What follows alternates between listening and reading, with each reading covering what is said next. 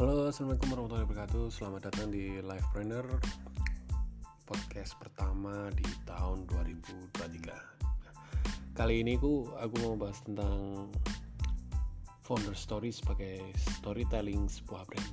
Itu bisa nggak? Oke, let's check it out.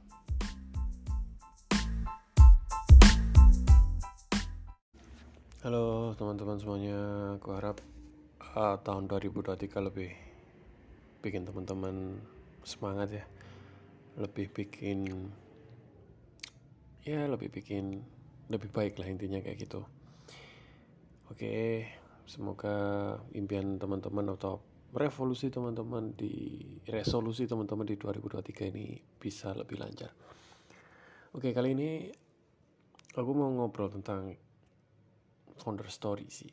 Kalau di brand itu gimana gitu. Kita perlu memasukkannya apa enggak kayak gitu.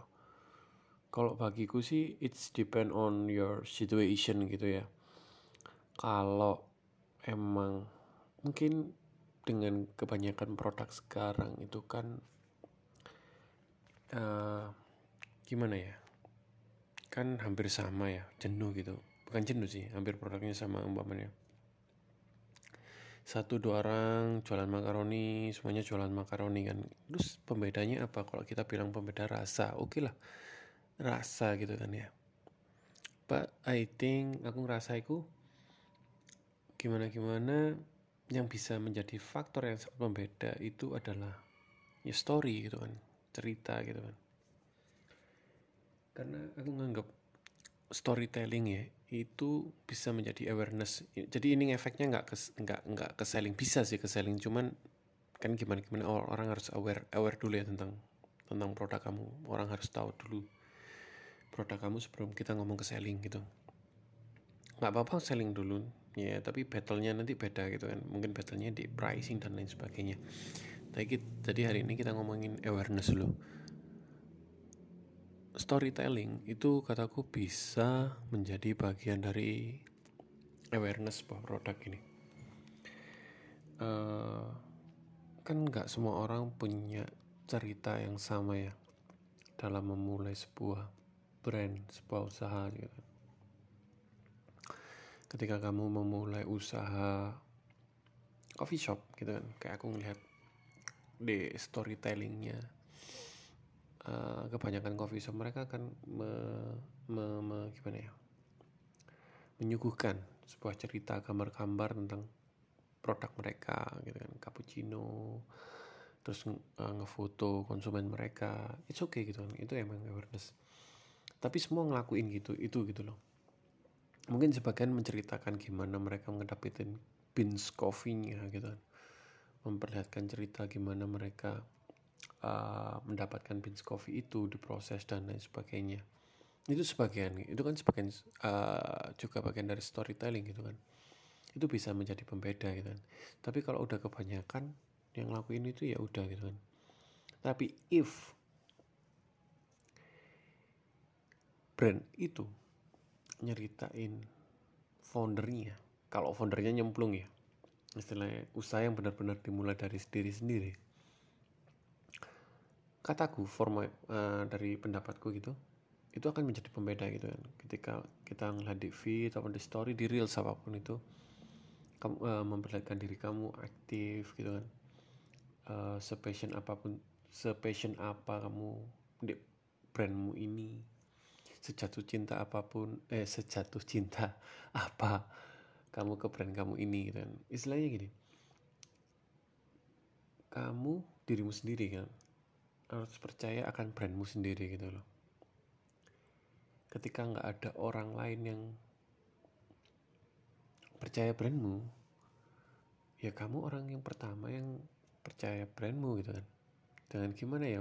Dengan kataku dengan menyuguhkan brand kamu ke orang lain. Gimana cara menyuguhkannya? Berbeda-beda.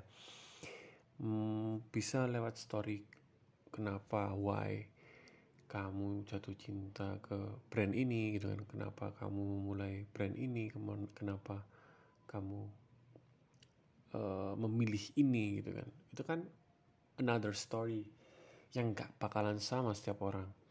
Mungkin kamu gak ada pilihan kenapa uh, mungkin di ceritanya ya mungkin kamu nggak ada pilihan. Ini adalah jalan satu-satunya untuk kamu uh, memulai usaha untuk memulai penghidupanmu kan itu story yang berbeda. Mungkin orang lain ya karena apa gitu kan dapat investan apa gitu kan. Tapi itu akan menjadi story yang berbeda gitu kan.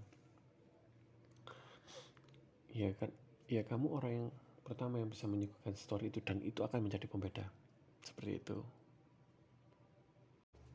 Jadi hal apa sih yang harus dilakuin kalau kamu pengen uh, memasukkan sorry memasukkan founder story di brandmu gitu kan. I think you must be honest gitu kan. Kamu harus jujur gitu. Kan dengan ceritamu itu uh, gimana kamu memulainya? Kenapa kamu memilih itu? Keseharianmu gitu kan. Aku rasa itu akan menjadi poin yang kuat ya. Ketika kamu memulai sebuah brand. Mungkin juga itu yang akan menjadi sebuah pembeda yang sangat-sangat pembeda. Karena kan story orang nggak ada yang sama kan gitu kan. Cara suksesnya orang itu beda-beda gitu kan. Cara storynya orang beda-beda. Cara mereka mendeliver cerita itu berbeda-beda. Mungkin ada coffee shop lain. Mungkin kita termnya coffee shop ya. Mungkin ada term coffee shop lain yang emang dia memulai usaha ya hanya ikutan gitu kan. Itu udah beda lagi mungkin ada yang kedua emang passionnya dia. Ketiga karena emang potensi market. Nah itu kan ya udah beda gitu kan. Mungkin yang keempat dia nemu mesin gitu kan. Ada mesin nganggur di rumahnya dipakai aja gitu kan. Itu kan story yang sangat amat berbeda. Dan itu kataku patut sih emang dicantumin. Kecuali teman-teman punya resource ya. Resource gede uangnya turun yang nggak membutuhkan uh, apa ya story-story kayak gitu gitu kan. Kayak kamu punya funding gede untuk ngebakar duit bikin promosi itu kan. Nggak nggak masalah. Kan found, uh, wonder story ini hanya digunakan sebagai awareness kan sebagai pembeda. Kalau kamu nggak butuh pembeda itu uh, ya nggak masalah sebenarnya kan. Uh, founder story ini hanya sebagai teman-teman untuk menjadikan pembeda di antara kamu lainnya. Bikin orang lain aware dan trust ke produkmu gitu kan. Oh ternyata foundernya ini pengalaman ya. Oh cerita cerita founder ini. Aku pengen tahu sih produknya kayak gimana. Mungkin mungkin malah storynya kayak gitu itu akan yang bisa diterima gitu kan. Mungkin aku lihat case ya. Mungkin teman-teman pernah lihat case uh, sebuah keripik pisang Zanana gitu ya. Yang didirikan oleh Gazan gitu kan. Itu waktu itu aku kalau nggak salah aku lagi kuliah. Aku lagi kuliah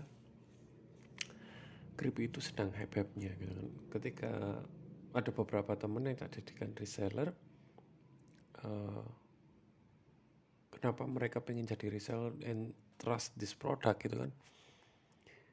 Mereka bilang, iya uh, aku kepingin kayak Gazan gitu kan. Storynya bagus banget gitu kan. Dia memilih untuk gak kuliah terus memulai uh, journey to be entrepreneur gitu kan. Aku juga kepingin seperti dia. Alasannya kayak gitu kadang bukan karena produknya emang produk efek ya. Tapi alasan why-nya mereka choosing this uh, choose choose to be resellernya itu karena itu gitu loh. Karena storynya Gazan yang kuat itu tadi. Itu kan yo wow bisa menjadi pembeda gitu kan daripada keripik-keripik pisang lainnya. Apakah tahun segitu ada keripik pisang lain? Ya ada banyak seperti itu. But they to be uh, different with their story. Kataku itu sih pentingnya. Oke semoga itu tadi uh, bermanfaat ya. Segitu aja. Tapi resamnya gini sih. Lakuin aja to be honest to be uh, to be you gitu kan. Lakuin apa sing kamu mau gitu kan. Di brand itu gitu. Dan ceritakan ceritamu itu gitu kan hanya istilahnya ya hanya itu yang bisa menjadi pembeda uh, kamu eh, brand kamu dengan brand-brand lainnya yaitu kamu dan yang bisa percaya brand itu sendiri untuk jadi besar ya kamu yang bisa mengenalkan brand itu ke orang lain ya kamu jadi istilahnya itu jadilah ambassador dan orang pertama yang bisa dipercaya orang lain untuk membeli produk kamu Oke, segitu aja. Semoga bermanfaat. Assalamualaikum warahmatullahi wabarakatuh.